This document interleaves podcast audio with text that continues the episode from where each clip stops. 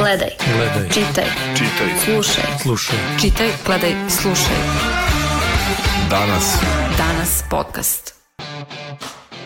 Slušate novu epizodu danas ovog podcasta. Moje ime je Vladimir Maričić.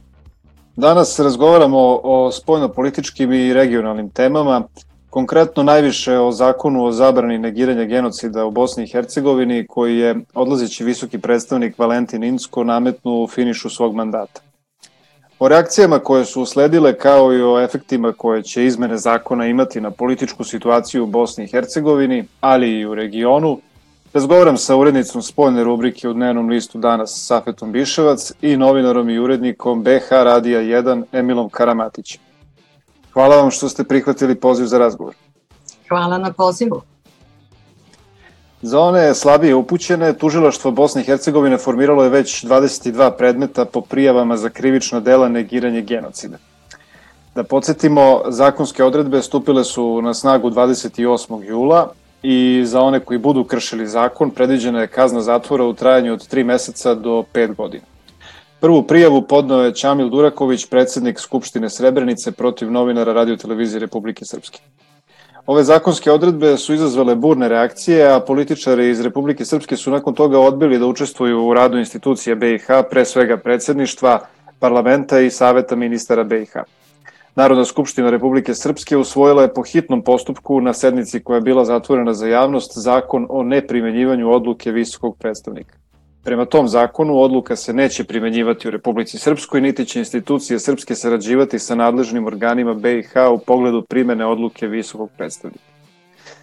E, isto pitanje imam na početku razgovora i za gošću i za gosta. E, šta mislite, da li će ovaj zakon da ispuni svoju svrhu i da doprinese nekakvom pomirenju ili će još više da doli ulje na vatru kako to pojedini akteri i s ove i s one strane drine vole da kažu? E, ja se plašim da ovaj zakon e, neće doneti ništa dobro, e, pri čemu se ja tu donekle slažem sa predsjednikom Aleksandrom Vučićem, koji je juče prekjuče, čini mi se, izjavio da nametnuti zakoni ne donose ništa dobro, ali moj argument je drugačiji dok se on ne slaže sa suštinom zakona, meni se čini da je da je pogrešno to što je visoki predstavnik nametnuo taj zakon, bilo bi mnogo bolje da su se nadležne institucije, to je parlamentarna skupština Bosne i Hercegovine, to znači tri konstitutivna naroda, da su se oni već dogovorili o nekakvom sličnom aktu. ako posmatramo, ovo pitanje ne treba posmatrati samo politički. ja mislim da sa moralnog aspekta je sramno vređati e, žrtve najtežih ratnih zločina, negirati genocid, u Srebrenici, ovde se konkretno radi o Srebrenici, a e, zločine u genocidu zločine u Srebrenici su kao genocid proglasili i Međunarodni sud pravde i Međunarodni krivični sud za bivšu Jugoslaviju. Oba ta suda su, Međunarodni sud pravde je najviša pravna instansta, a Međunarodni krivični sud za bivšu Jugoslaviju su osnovale i Ujedinjene nacije. Ako ne digirate presude tih sudova, vi ne i samo u same Ujedinjene nacije. Znači, e, ja se, zato kažem da se delimično slažem s Vučićem, loše je što je taj zakon morao da bude nametnut, bilo bi mnogo bolje e, da je taj zakon, da je takav zakon su doneli parlamenti e, bilo Bosne i Hercegovine ili oba entiteta, a u suštini najbolje bi bilo da smo mi dostigli takav nivo da smo svesni e, šta znače ratne zločini i da nam u stvari takvi zakoni nisu ni potrebni, jer je e, sramno je znači negirati ratne zločine, veličati ratne zločince, a to je ono što se kod nas svakodnevno dešava. Da, Emile, šta vi kažete? Pa e, pratim dugo e, politička zbivanja u Bosni i Hercegovini i uvjeren sam da naprosto je nemoguće da ikakav zakon, u, pogotovo e, kada je u pitanju ono što je vezano za te sudske presude Haškog tribunala, da donesu zvaničnici u Bosni i Hercegovini. Pogotovo ne to ne mogu raditi nikako e, Dodik, e, odnosno Izetbegović ili Čović. E, jer oni, nije trojica i drže sve ono što se zapravo događa na političkoj sceni u Bosni i Hercegovini. Mi ako se vratimo negdje u neku prošlost, pa ćemo vidjeti onda što se dogodilo u jednoj Njemačkoj, ne odmah 45. nego i čak nekoliko godina, pa i kroz 50 godina što se događalo, da Amerikanci su bili prisutni tu i da su non stop nametali zakone jednoj Njemačkoj tako kakve je i da se ništa slučajno u Njemačkoj nije događalo, da su oni prihvatali. Tu je bilo raznoraznih pobuna, čak, do, e, čak sa Helmutom Kolom, mislim da su oni tu negdje e, završili. Mislim da je Angela Merkel tek e, bila posljednja i čak 2015. godine su u Bavarskoj gdje su bili najsnažniji nacistički, nacistički pokret, tek su tu mislim popustili 2015. i mislim da je riječ bio o, o centru koji je bio vezan za sve žrtve u genocidu koji su napravili nacisti, da je tu napravljen taj centar, ali Bavarska je to tek popustila 2015. Sad zamislite koliko je to, koliko je to godina. I da li bi to Njemci sami uradili da tu Sjedinje američke države nisu bile prisutne toliko godina. Isto tako mislim da u Bosni i Hercegovini e, tako što ne bi uradili naši zvaničnici jer njima naprosto odgovara e, ta, e, taj ambijent destrukcije. Znači mi ovdje iz rata nemamo poraženog, ali svi, ima, svi su pobjednici i svi su poraženi. Vi kad prošeta se malo Bosnom i Hercegom, pogotovo recimo sad u ovom periodu, vi ćete stalno vidjeti kako neko obilježava neku pobjedu. Tako da kad idete prema Sarajevu imate sve pobjede uh, Hrvatskog vijeća odbora. Kad se vraćate iz Sarajeva, isto magistralno imate sve pobjede vojske uh, armije Bosne i Hercegovine. Kad krenete malo prema uh, istoku imate sve pobjede tamo prema Nevesinju, imate, odnosno istočnoj Hercegovini, imate sve pobjede vojske Republike Srpske. Tako da se ne zna ko je pobjednik, ko je poraženi i to tako se vuče 30 godina i svi funkcioniraju po tom principu e, naši su heroji, ostali su zločinci. I naravno naprosto iz takvog jednog ambijenta e, se morao dogoditi dogoditi nametanje ovakvog zakona. E sad, da li je to e, bivši visoki predstavnik takvu odluku donio sa zakašnjenjem? Međutim, mi ne znamo šta se događa na svjetskoj političkoj sceni i da li je to njemu neko šapnuo pa mu rekao to moraš sad uraditi, a sljedeći korak će praviti vaš nasljednik. E, jer mislim da visoki predstavnik sam po sebi e, ne koristi bonske ovlasti, da bonske ovlasti koristi naravno e, po uputama, a mislim prije svega ovdje Europske unije i Sjedinje američke država kao ključni, iako je tu priča o vijeću sigurnosti, ali, su uvijek ključni Sjedinje američke države i Europska unija. Kako oni Uh, urade, tako se to i dogodi, a vidimo i kako se imenovanje uh, njegovo dogodilo. Onda bi se vratio, uh, rado bi ga citirao, on je jako dobro to rekao, 1914.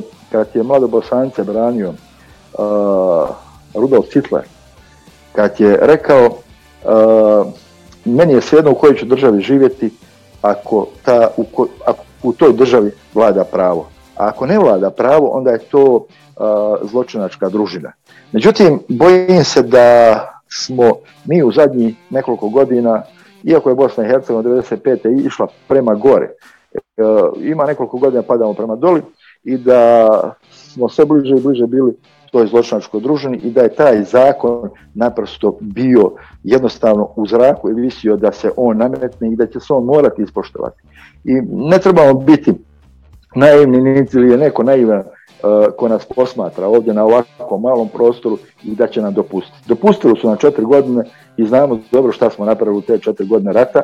Mislim da nam ovdje neće dopustiti više ni blizu tako što i mislim da će pomalo početi uvoditi red u Bosni i Hercegovini i mislim da će ovaj zakon eh, ne odmah, naravno, ni jedan zakon ovdje u Bosni i Hercegovini nije profunkcionirao odmah, ali vremenom jest tako da veliki broj tih nametnutih zakona su čak bolji od onih koje su e, usvojile e, legalne te institucije u Bosni i Hercegovini, odnosno parlamentarna skupština ili Dom naroda gdje one završavaju na kraju. E, puno bolje funkcioniraju one koje se nametnu naprosto jer su pod prizmom i više se posmatraju.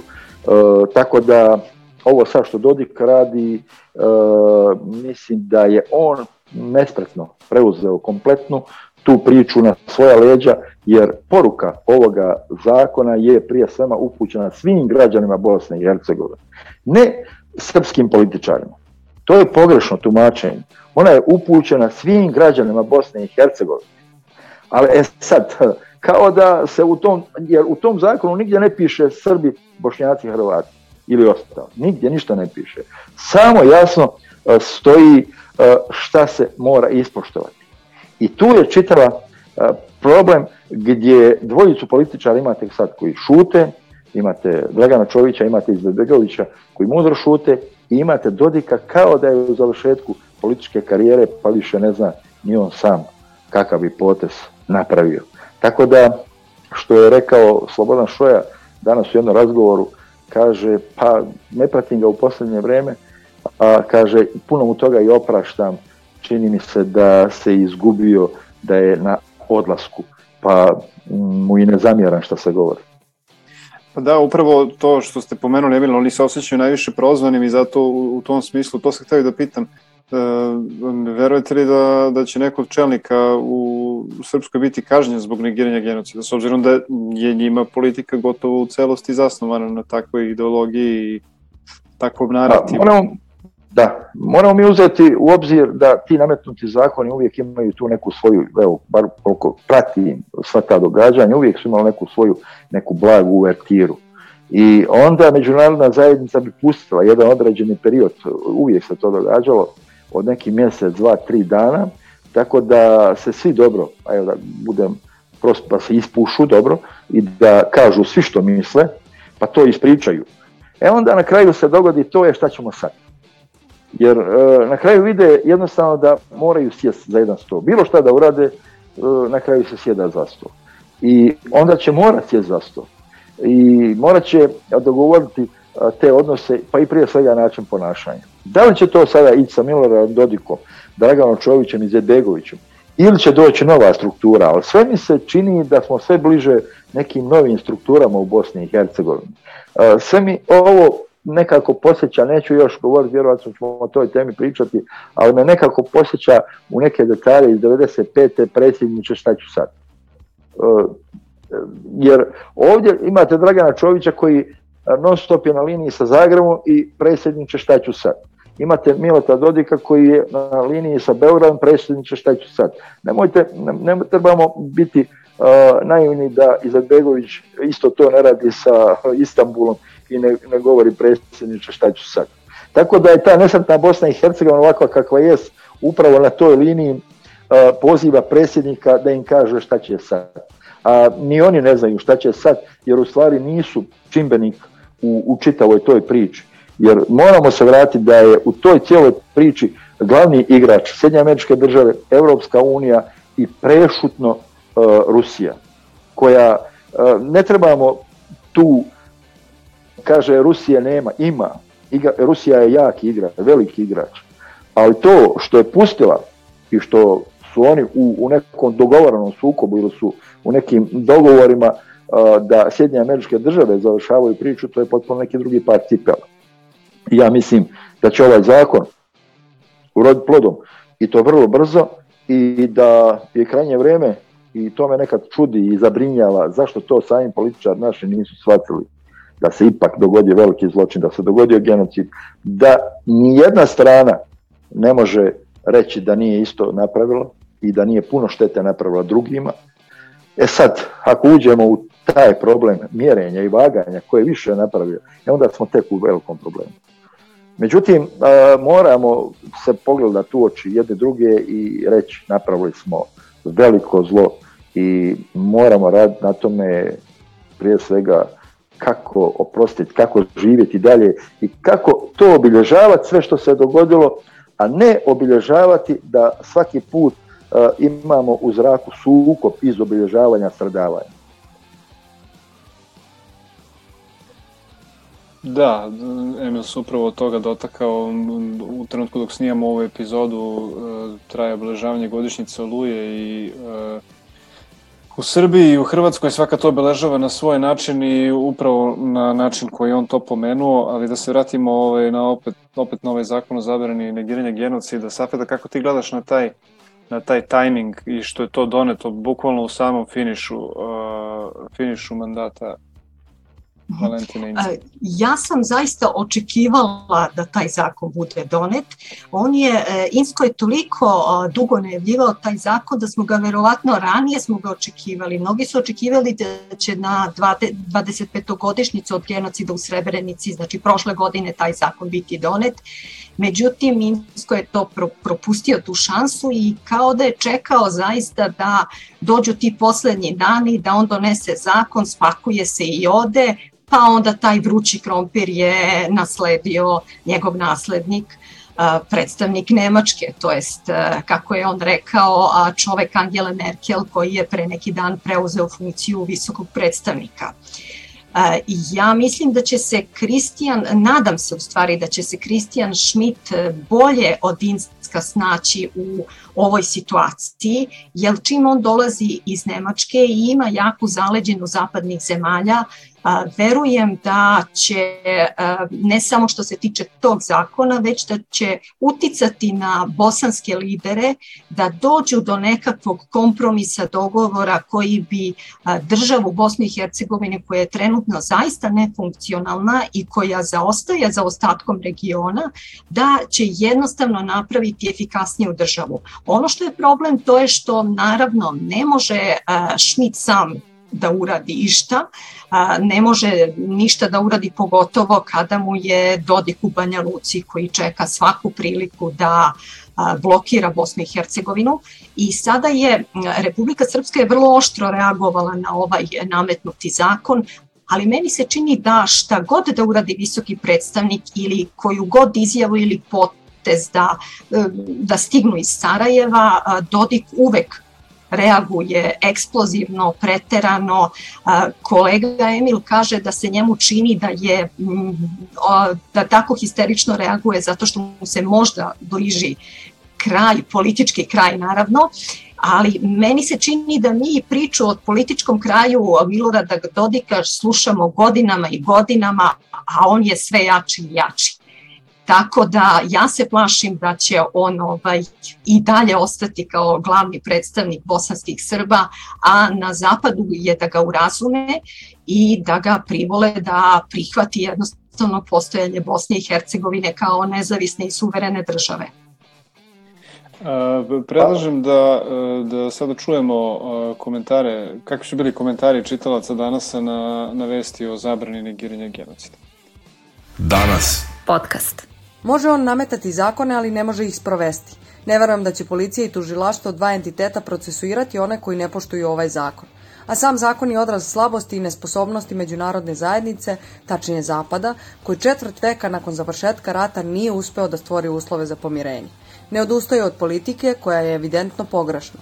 Nemaju podršku ni bošnjaka, iako prevashodno rade u njihovom interesu. Ne može se silom nametati pomirenje realno doneće nove podele i udaljavanja unutar BiH sa tendencijom krajnjeg raspada, kao i tenzije u regionu i naravno porast nacionalizma kod svih. Muslimani misle da su nešto postigli, da im ovo pomaže, da BiH urede prema svom, da će naterati druge da im se povinuju i da su uspeli svoju, po znacima navoda, istinu da ozvaniče i nametnu. Ali greše. Mi u Republici Srpskoj znamo da je Dodi govorio da je bio genocid. Ništa on nije bolji od Sonje Biserko i Nataše Kandić. Razlika je u tome što on sad srbuje za veliki pare. A šta ako se tri strane ne mogu dogovoriti o zakonu? Šta onda?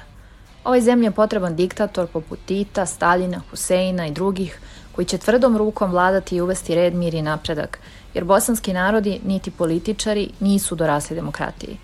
Samo tvrdom rukom se može uspostaviti red i mir u zemlji kao što je Bosna. Slušaj. Danas podcast. Slušajte danas u podcast, evo čuli smo šta kažu čitaoci danas u komentarima na vesti o zabrani negiranja genocida jedan od čitalaca je pomenuo tu i Dodika, da, podsjetimo, Dodik je među prvima se sam prijavio tužilaštu BiH zbog tog negiranja genocida i kako naveo uradio je to da rastereti muslimane koji bi mogli da budu izloženi pritisku i zahtevima svojih političkih vođa kod kojih su prema Srbima prisutna usijana osjećanja i mrzotvorni stavovi da protiv njega podnesu krivičnu prijavu. E sad, mnogi bi rekli dajde zašto više komentarišete toliko Dodika, ali e, interesantan mi je ovaj potez zato što uskorio i ovde prošlosti smo imali, imamo te slične te poteze gde se e, akteri na toj političkoj sceni bukvalno sami prijavljuju ovaj, konkretno najsvežiji primjer je ova, govorimo o aferi Belivuk, hapšenje kriminalnog plana, ovaj, pa sam hteo to da, da prokomentarišemo. Evo, zaputa možda ti imaš ovaj, pa da, kod nas, kod nas vole najviši političari da sami protiv sebe podnose krivične prijave i da se sami nude za poligraf, mada znaju da takve, takvi potezi u stvari predstavljaju politički performans koji sa, kojim samo mažu oči javnosti i takvi performansi samo pokazuju da oni ipak nisu sigurni u položaj položaj koji imaju. Ali ja mislim da to negiranje, negiranje genocida, veličanje ratnih zločina, nije to naravno problem samo Bosne i Hercegovine. Evo, mi smo u Srbiji pre neki dan imali slučaj da general Lazarević koji je osuđen u Hagu za ratne zločine na Kosovu, da on postaje počasni građanin Niške opštine. Naravno, čuveni, e, mi imamo i e, Vojslava Šešelja koji je godinama bio poslanik u Skupštini Srbije, iako ga je Haški tribunal osudio na deset godina zatvora, ali on je sasvim slobodno obavljao svoju funkciju poslanija, poslanika, iako zakon Srbije e, e, propisuje da poslanik ne sme da bude niko koji je osuđen na zatvorsku kaznu dužu od šest meseci. Veselin Šljivančanin, e, čuveni general iz borbi oko Vukovara, on je ne samo član glavnog odbora Srpske napredne stranke, već i politički aktivista, plodan autor koji malo, malo pa objavljuje neke knjige po Beogradu. evo, ranije se dešavalo da u nekim gradovima u Srbiji osvanu murali ili poruke ratno-huškačke prirode.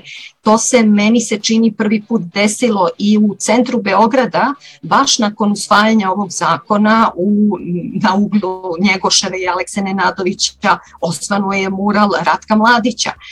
Znači da to suočavanje sa prošlošću ide veoma teško na našim prostorima, a naši narodi obično za to, za to teško suočavanje s prošlošću najčešće i najradije osuđuju međunarodne faktore, pa im je kriv Haški tribunal što se narodi bivše Jugoslavije ne mire, pri čemu nije zadatak suda da miri ljude, već da kažnjava ratne zločince.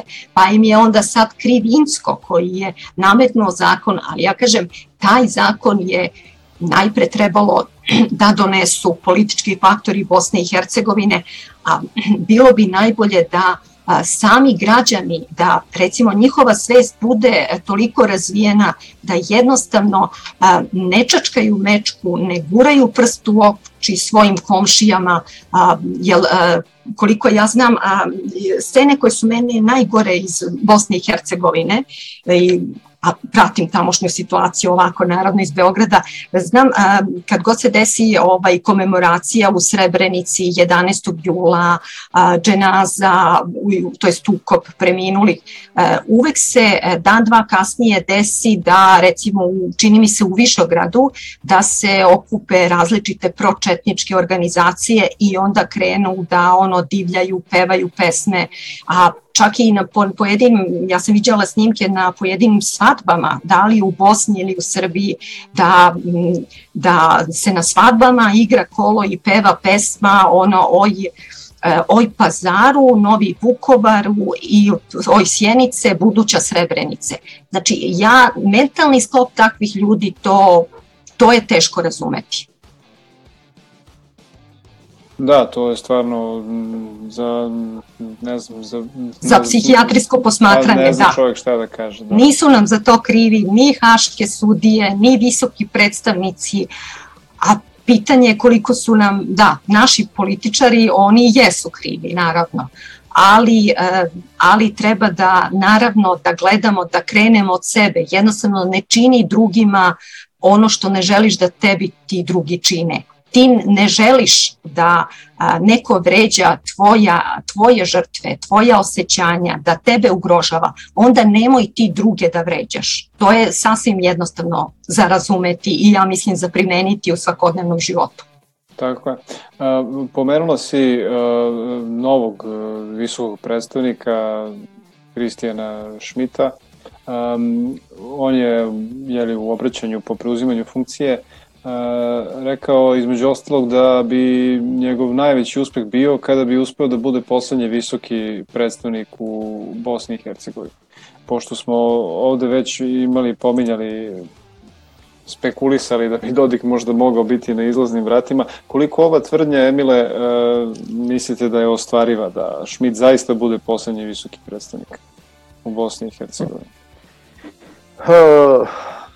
Kad se sjetim e, kako je funkcionirao recimo Insko e, i kad uđete malo unutra e, cijele te priče, onda ćete vidjeti da je on bio u jako dobrim odnosima i sa Dodikom i sa Čovićem i sa Izebegovićem. Oni su se družili. Oni su razmjenjivali nekakve nagrade na tim svojim žurkama, recimo večernjeg, večernjeg lista, pečet, tu je redovno druženje bilo E, skoro svi u njih, pa i na drugim, drugim mjestima. Tako da mm, nije to da oni njega nisu znali ili on njih nije poznavao. E, oni su bili e, jako dobro upućeni jedni na druge i razumjeli su se izuzetno dobro. Međutim, u onom trenutku kad Insko kaže, to je iznutra priča, da on dobiva signale da će morati povući poteze, e onda dolazi do uznemirenja. Prije svega Dodika pa onda ostali. Međutim, ostali to e, vješto prikrivaju u odnosu na Dodika. Dodik je uvijek bio temperamentniji, znam ga od početka njegove političke karijere i kako je sve to išlo i kako je sve mijenjao te stavove svoje. Znači, on je bio prvi koji je e, rekao da je u Srebrenici bio genocid. I imamo Dodika te priče kao glavnog igrača međunarodne zajednice koje ga podržavaju i imamo Dodika koji shvata da se na toj priči ne mogu dobiti izbori. I onda Dodik odlazi u ovu svoju ludu avanturu uh, koju, u kojoj ni on sam sebe ne prepoznaje više. I sad, uh, kad je kolegica malo pre spomenula da političari imaju običaja ovdje sami sebe prijavljivati onda je ovdje mm, meni e, to čisti performans, odnosno prikaz njihove moći da sudstvo e, ili tužiteljstvo u Bosni i Hercegovini ili bilo gdje na Balkanu, osim ajde recimo Hrvatska i Hrvatska, tu je negdje tanko, e, pa skoro čita ovaj dio ajde van Evropske unije od Slovenije i Hrvatske recimo, da funkcionira po tom principu da ga kontroliraju oni koji su najjači na političkoj sceni, odnosno da ono ne postoji. I upravo postoji taj performans, onda idemo mi sami sebe prijavljivati, pa zašto ne bi prijavili kad mi to kontroliramo i možemo raditi što nas je bolje. I uporno imamo tu sliku. I kad imamo takvu sliku, ja, sam uvjeren u to da će ovaj novi visoki predstavnik Schmidt povlačiti puno jasnije i konkretnije poteze, ne samo zato što on to hoće. On tako, kad ga i vidite, i ne sliči baš na nekoga ko bi mogao biti snažan i aktivan. Međutim, snaga i aktivnost ne potiče od same osobe, nego od onoga ko stoji iza vas. A ovdje je u pitanju jedna Njemačka i jedna cijela Europska unija i naravno Sjedinje američke države, ponavljam ponovo to. Tako da on nije tu usamljen. On, umjesto njega je mogao biti bilo ko, ako iza njega stoji cijela ova uh, garnitura političara, odnosno država.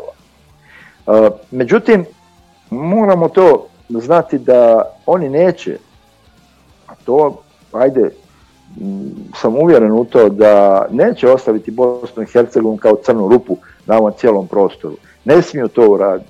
Na neki način Srbija uh, je pa jednim dijelom skoro spremna da uđe u Europsku uniju. Ma koliko to izgledalo sad uh, kao uh, moje, moje, ne znam nija, lude želje. Ali uh, sjetimo se samo što se dogodilo sa Rumunijom i Bugarskom, pa su ušle u Europsku uniju. I kome je ta potrebna crna rupa na ovikom prostoru u jednoj Europi e, ili ne znam, ili je cijela Europa onda poludila da im treba takva crna rupa i takav šator za zabavu ili stvarno ovo se moraju uzeti, ja bih rekao ovako prostim riječnikom za kapuricu i baciti unutra. Jer nema drugog načina. A da bi se to dogodilo, oni moraju najprije riješiti stanje u Bosni i Hercegovini. A stanje u Bosni i Hercegovini mislim da je na dobrom putu da se riješi. Eh, ja mislim da nikad nismo bliže bili rješavanju. Jer 2000. godine mene dodi posjeća na Antu Jelavića i ekipu iz HDZ-a i onu takozvanu samoupravu, ako se sjećamo, kako se događalo, kad su eh, svi hrvatski političari napustili sve institucije, pa su raspisali čak i referendum i tako dalje, svašta nešto. I šta se dogodilo na kraju? Na kraju se dogodilo da je tada visoki predstavnik posmjenjivao sve, čak i Dragana Čovića. Ostavio mu je samo funkciju e, da je mogao obnašati predsjednika stranke. Ne mislim da je nemoguće da se to sad ponovo ponovi i da krene sve od Milorada Dodika pa završi sa ostalim. E, Dragan Čović očito ima dobre informacije jer mu je e, njegova strana u Europskoj uniji i vješto mu došaptavaju točno onoliko koliko treba i u dobrim odnosima sa njim. Tako da mudro šuti i čak sam se neki dan i pitao sa kolegama šta se događa sa njim da ovoliko šuti i ništa ne govori. Pa nije to samo sada nego od e, uspostave vlasti u gradu Mostaru znamo kad je to bilo da skoro riječi od njega nije bilo. Sve je pustio kao eto e, treba se dogovoriti na nižim razinama, ja sam ipak e, predsjednik stranke, ne bi se htio miješati, tako da se on i sada e, ne miješa skoro ni što, jer njih trojica, ako ne ostanu na političkim funkcijama, e, ja ne znam šta drugo i čeka nego, ne znam, ja, teške presude iz kojih se teško mogu izvući. Jer u tome je cijela priča, cijelim ovim događanjima zanemar je kompletan kriminal koji su napravili, a napravili su užasan kriminal na prostorima Bosne i Hercegovine, tako da ostatak života bi se sustvo moglo, ali jedno ozbiljno sustvo sa njima pozabaviti, da su to nedjela ne znam, neopisivi razmjera koje su oni napravili. Objavljivao sam na stotine takvi tekstova, međutim sve je to bilo beskorisno kad prijavite tako što na sudu, oni vam se samo nasmiju i tako dalje i tako dalje. Tako da i ovaj performans Milorada Dodika koji gledamo je i naravno i Bakira Izetbegovića je bježanje od silnog kriminala koji ima. Tamo se fino, uh, uvijek nekako servira lopta, pa ne znam, neko je rekao to, kaže kako fino im serviraše loptu upravo u trenutku kad, bi, kad se počinje pričati o velikom kriminalu točno uvijek kad se počne pričati o velikom kriminalu, uvijek neka međunacionalna pitanja. I mi uvijek imamo taj problem međunacionalnog. Međutim, ne znam, Uh, uporno evo, pitam samog sebe što bi više tu bio problem nakon 30 godina, nakon 26 godina uh, jasno definirane političke slike u Bosni i Hercegovini, njene uh, podijeljenosti unutar države, funkcioniranje, pa to je 95 odnosno, ajde, recimo 2000. godine puno bolje funkcioniralo nego danas. Ja kad se sjetim političara iz tog vremena koje sam ja kritizirao, naprosto poželim da takvi se vrate. Mhm. Uh, ta, takva, takve političare očito ćemo trebati čekati sada i sa srpske i sa hrvatske i sa uh, bošnjačke strane.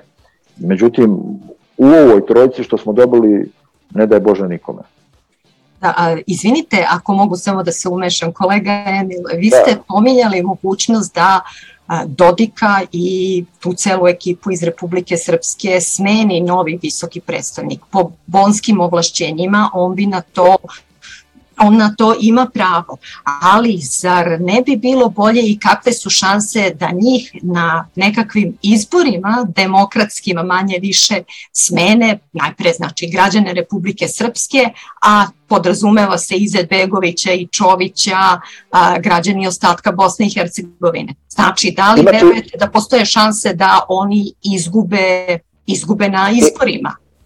Ima tu jedan detalj koji je spomenuo sada visoki predstavnik po preuzmanju dužnosti. On je prije svega spomenuo, prve njegove riječi su bile upućene mladima da bi želio da ostanu u svojoj zemlji i da tu privređuju, da se tu školuju, da tu stvaraju i tako dalje. A druga poruka je bila uvođenje elektroničkog glasovanja. A elektroničko glasovanje je poražavajuće za ove garanture koje mi sada imamo. A oni se uporno bore i sve će učiniti da ne dođe do elektroničkog glasanja, jer to je jedini mogući način na koji oni ne bi mogli utjecati i ne bi mogli kontrolirati. A ovako svaki put mi imamo točno onoliko glasova koliko njima treba. Evo reću vam čak po, po brojevima. Recimo Dragan Čović u, kod Hrvata e, dobije točno glasova koliko je zaposlio ljudi od najnižih razina pa do najviših razina vlasti puta tri. Oko 40 tisuća ljudi ima zaposlenih, puta tri člana obitelji, on svaki put dobije 120 tisuća glasova. To je redovno. Tako isto kod Izetbegovića, tako isto kod Milorada Dodika. Znači, zaposliš jedan određen broj, to je ona, ona stara Marksova lumper proletarijat.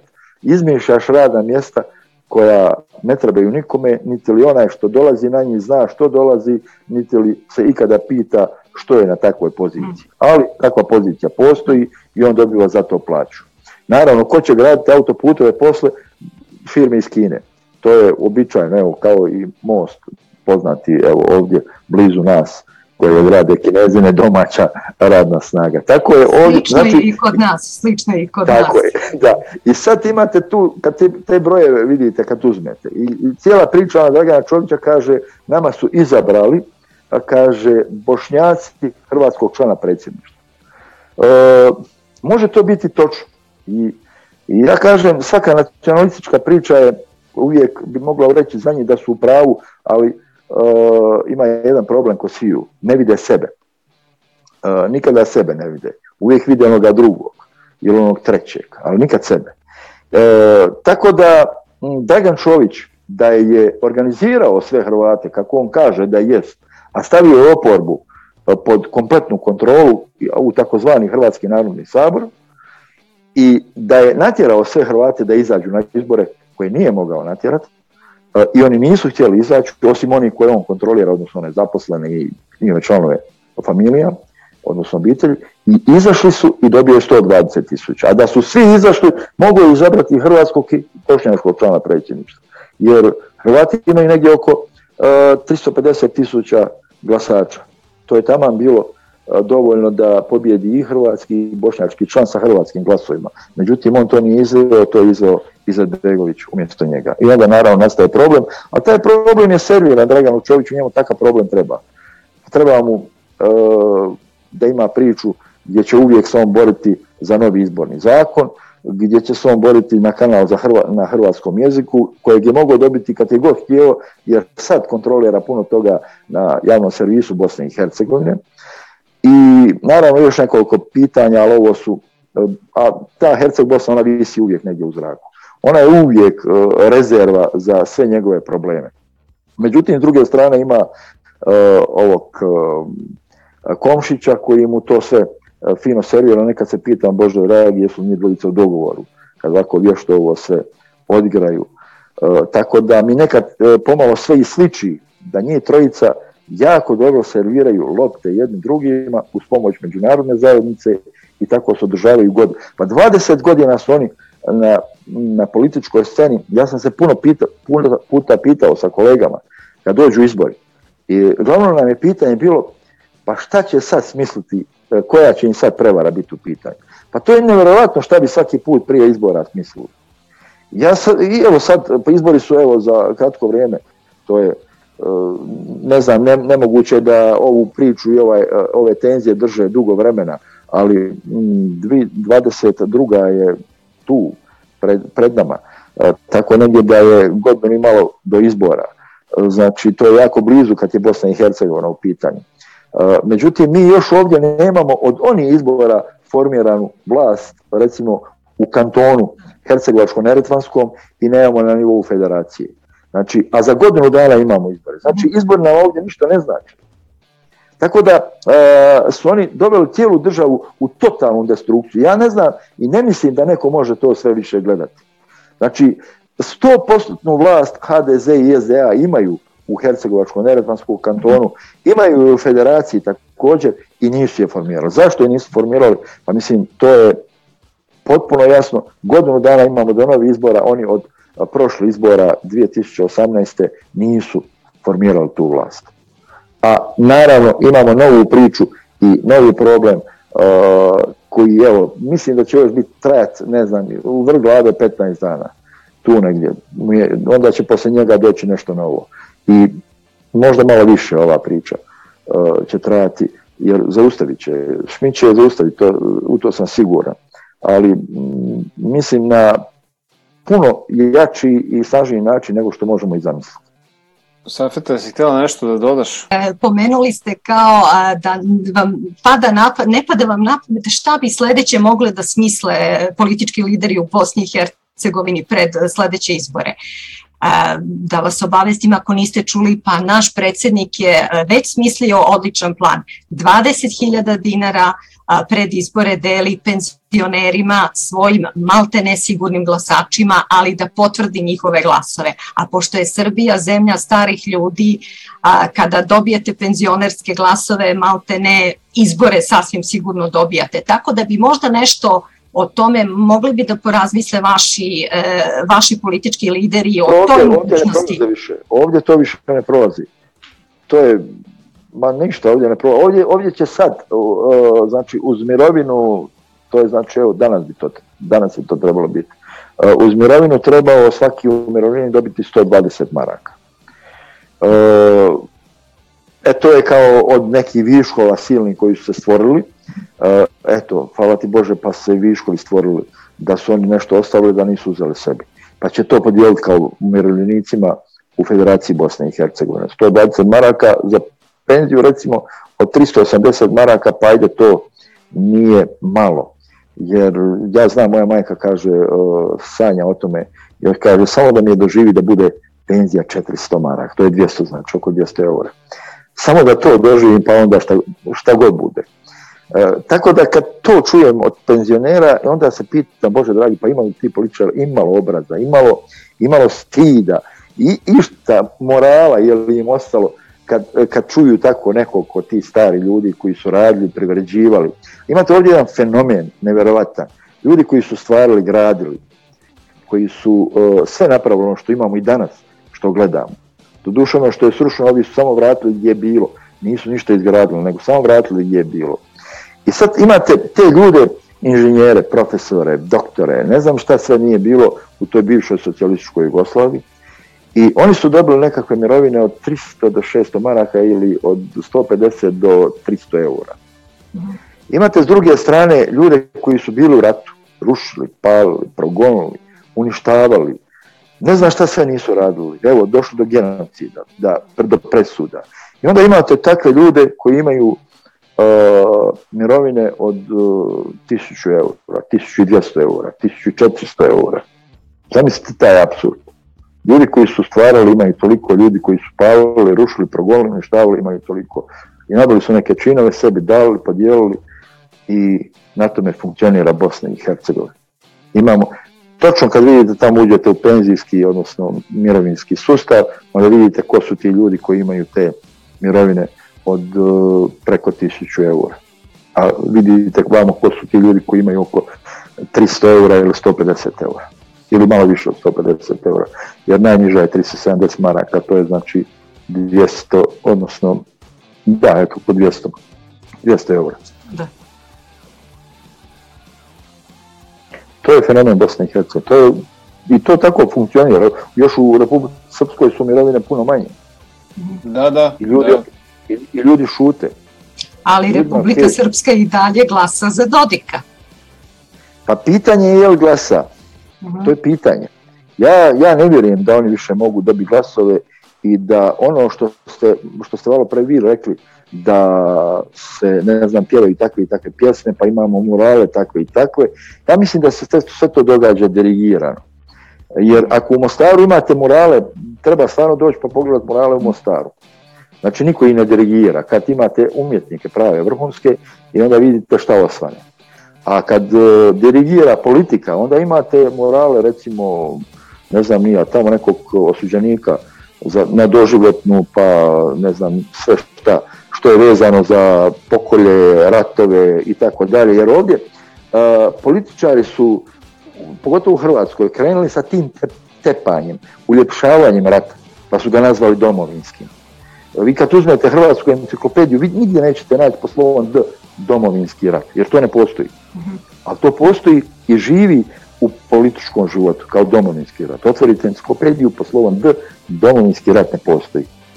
I pitao sam one koji su ređivali zašto nema domovinski rat, pa kada ba pusti Boga, kaže to, onaj, to ne postoji. Onda e, i sa srpske strane su vrlo brzo E, shvatili da treba zvati taj rat otažbinski, pa onda ovamo s druge strane patriotski i tako dalje i tako dalje. I onda imate tu finu sliku tepanja ratu. zavati ga što je moguće više. Zamisli kakav bolestan mozak čovjek treba biti da rat uljepšava. Znači, da ako je išta čovjek mogao smisliti i veće zlo da stvori sebi, to je rat i ubijanje, uništavanje i tako dalje i tako dalje, a onda oni pođu sa kićenjem. E, takvog zna. Zaboravio sam da pitam ovaj, za prilike u Mostaru ovaj, kako, kako se živi sada ovaj, posle ovih izbora koji, se tako dugo čekalo. Pa, pa ništa, isto. Ništa se nije promijenilo. Živimo isto kao što smo živili. E, ljudi rade, recimo, Dolina Neretve je poprilično oskače od svih drugih dijelova, jer se ljudi tu bave poljoprivrednom proizvodnjom, pa oni su kao država u državi, tako i funkcioniraju nije i briga uopće u kojoj, mogli bi biti u bilo kojoj državi po ovom principu sad kako radi. Ja znam imam puno te rodbine, prijatelja koji se bave tim poslovima, onda kad ti pitan kako funkcionira, pokara ne znam u kojoj državi živi. Jer njima je bitno, njima je bitno kako plastanička proizvodnja ide. I, i, I, naravno, da li je tržište, da li je tržište, e, da imaju tržište u Banja Luci, da imaju tržište u Tuzli ili u Zenici, oni ti funkcioniraju, kaže, oni se raduju recimo, kako običan čovjek funkcionira? On se raduje kad otvori se neka tvornica u Bosni. U Hercegovini se raduju ljudi, ovdje u dolini Neretve su sretni kad neka tvornica, kada je zaposlio neko 500 ljudi, ovo bravo, super. Znači to su novi kupci. E, ovdje su jako nesretni ljudi bili kad je sva ta industrija u Bosni propala. Jer nisu imali kome, granica sa Hrvatskom je zatvorena, e, Europska unija uvela neka svoja pravila, a ljudi su bili okrenuti samo prema Bosni. I znači to je bilo njihovo tržište. I sad se radi kad neko otvori neki pogon, zaposlenih 100, 200, 100 više ljudi. Iako to baš nije česta pojava, ali dogodi se. Tako da još, još kad bi bila mogućnost da se može izvoziti, e, mislim da se Srbijom nešto i rade čak. I kad vidite običnog, običnog čovjeka kako funkcionira, mm, ja se sjetim vremena rata, ljudi koji su bili na prvoj crti, Eh, i koji su bili kao čuvali nekakve linije. Ja znam glavno pitanje među tim ljudima bilo, eh, kaže, pošto je paprika i kavada, odnosno paradajs eh, na pijaci. Njega nije interesirao i tada te ljude nije interesirao taj Oni su da čekali smjenu kad će neko zamijeniti da idu mm. doma. Nije to interesiralo. Tako da i ovo danas mislim da te grupe koje prave te gluposti i pjevaju, ne znam, novo žica srebrenica i, i šta ti ja znam sve, neka nova sjenica i kako, kako već kolegica reče, čuo sam zato da postoji i mislim da je dirigiran. Ovdje isto u Hercegovini imate recimo natpise ćirilične i latinične na svim prometnim znakovima. I kad god ostane Čirilica sljedeći dan možete očekivati da neko se već pentrao po merdovinama. Znam s koji kreten budala trebaš biti da se pentraš po merdovinama i da to e, crnom bojom prefarbaš. Da mu smeta Čirilica. Pobog, ne znam latinicu e, taj što mu je naredio. On to radi po, ne znam, za 100 eura. Da, da. Garantiram da, ja ne znam jednog čovjeka normalno. Evo, ne znam, e, družio sam se, ne znam sad s kim sve nisam ali nisam još čuo da je neko rekao onaj, pa da ljudi, onaj, treba to, da, ćirilicu treba srušiti. Pa kako će treba srušiti? Kad evo, nedavno sam namuk udario, na Bela udario da nekima sa ćirilice, jer ne znaju. Ovaj, opet će morat uvesti, jer masa knjiga je ostala na ćirilici koje neće niko da prebacio na, na, na latinicu, a ti udžbenici te knjige su potrebne. Da, da. Pa onda mi malo stariji smo u situaciji da čak pojavimo se kao prevoditelji novog jezika. Znaš, do, toga to dolazi. Sa, znate, onda će morati uvijek u školu ponovo će i reći, e, ljudi, znate šta je ovo je naše pismo bilo i ostalo, i treba, biti, treba biti ponovo. Ali ne znamo kad ćemo istrašiti sve ove ludosti, ludarije. Sa, ne znam, ne znam. Ko zna, ali meni se čini da ako je nešto dobro, a to je da mi danas, ja mislim da u suštini, kad se govori o međunacionalnim odnosima, da su u suštini prilično dobri, jer kad pogledate, um, građani Srbi, Srbi vrlo rado idu i u Crnu Goru i u Hrvatsku na more i naravno prošle godine ne Neum bio ultra ultra popularan, idu normalno i u Mostar i u Sarajevo, kao što ovde dolaze i Hrvati i Bosanci. Znači, ti, među, ti međuljudski odnosi su zaista dosta dobri, mislim, da, to je... Pa nećete, normalno... vjerovati, evo, moja kuća ovdje na selu od Mostara nekih 40 km e, gdje često boravim, sad tu je magistralan put M17 koji veže direktno za Hrvatsku, to je neki par kilometara od mene E, i to je granični prelaz u Doljan. I vi sad kad biste izašli na magistralni put, e, negdje kolona stoji oko 7 km, tu negdje za ulazak u Hrvatsku su se otvorili. E, mislim da je skoro svako auto iz Srbije. Da, da. Ja onda se mi pitamo ono šta, po čemu pričamo ljudi, šta se događa? Ljudi hoće normalno da žive, a ali političari ne daju, političari... Da, oni, opstaju na tome. Znači, oni opstaju na tome. Ja kad vidim, kaže, Vučić okupio i oporbu i, i, i, i, ne znam ja, sve kažu na stanku. Ma šta će oni pričati, Bože dragi, e, nego je u pitanju Dodik, njegov ljubimac, koji mhm. može vrlo lako otići, da okupljaj sve ko što je vama uradila Hrvatska sa Hrvatskim narodnim saborom, mhm. e, Čovićevi. Imate sada politbiro i centralni komitet, to je ovaj Hrvatski narodni sabor i Hrvatsku demokratsku zajednicu. Jeste, jednoumlje je, je sada jače nego u vreme Saveza komunista. Pa, ima pa, pa ništa, pa ona je demokracija bila pa završa. ima naravno, naravno. I sad okupi kaže i oporbu i, i, i, i ove, ove koji su na poziciji da, da isto misle. Kao što je No stop čujete ovo, na jedinstvo, koje je jedinstvo? Jes, jes, dakle. jes. Cirkus jedan, cirkus. Da. ja. Evo, ovaj. dobro. Vladimire, izvini, ti si mlađi pa smo te malo udavili ovim svojim podsjećenjem. Ne, ne, ne, to imam posla. Dobro. Pa ne, ona ima sad, evo sad ja, eh, evo sad je, sad ću vratiti malo da pogledam kako Hrvati kako Srbi obilježavaju... A da. Ja taj, da vidim taj cirkus. Uh, jer to stvarno se pretvara u cirkus iz godine u godinu. Mhm. to, ja, ja sam recimo zagovarao davno još da na jednom mjestu samo treba napraviti spomenik u cijeloj Bosni i Hercegovini sve žrtve svih ratova. Mhm. I da stvarno treba dan žalosti jedan biti i da svi dođemo kod e. tog spomenika i poklonimo se I onda ne bi bio potreban Inskog zakon, to je to. Pa ne bi ništa trebalo, jednostavno da budemo svjesni da budemo njemi taj jedan dan, jedan jedini dan da zanjemimo svi, da crknemo od njemosti šta smo jednim drugima napravili ovoliko godina. Da. Evo samo ću vam reći, Igora Manića se uvijek sjetim, on je sjajan. Da. A, dobro, do duše kod, sam, njega sam onaj, kako ono kažu, školovao sam se kod tog starog lista. kaže, jednom prilikom, kaže, lako se bilo pomiriti Njemcima i Francuzima. Oni kaže ništa nisu u rodbinskoj vezi. A to će kaže ići malo teže sa Hrvatima, Srbima i Bošnjacima, oni su braći. Jest, jest, jest. I to je sad problem. a pa, pa mi istim jezikom govorimo. Tačno tako. Da. To je naša nesreća. Jasno. E, evo ja bih ovdje zaključio ovaj razgovor. E, hvala vam što ste bili moji gosti. U sljedećoj epizodi slušajte moju kolegicu Selenu Kosović. Gledaj. Čitaj. Čitaj. Slušaj. Slušaj. Čitaj, gledaj, slušaj. Danas. Danas podcast.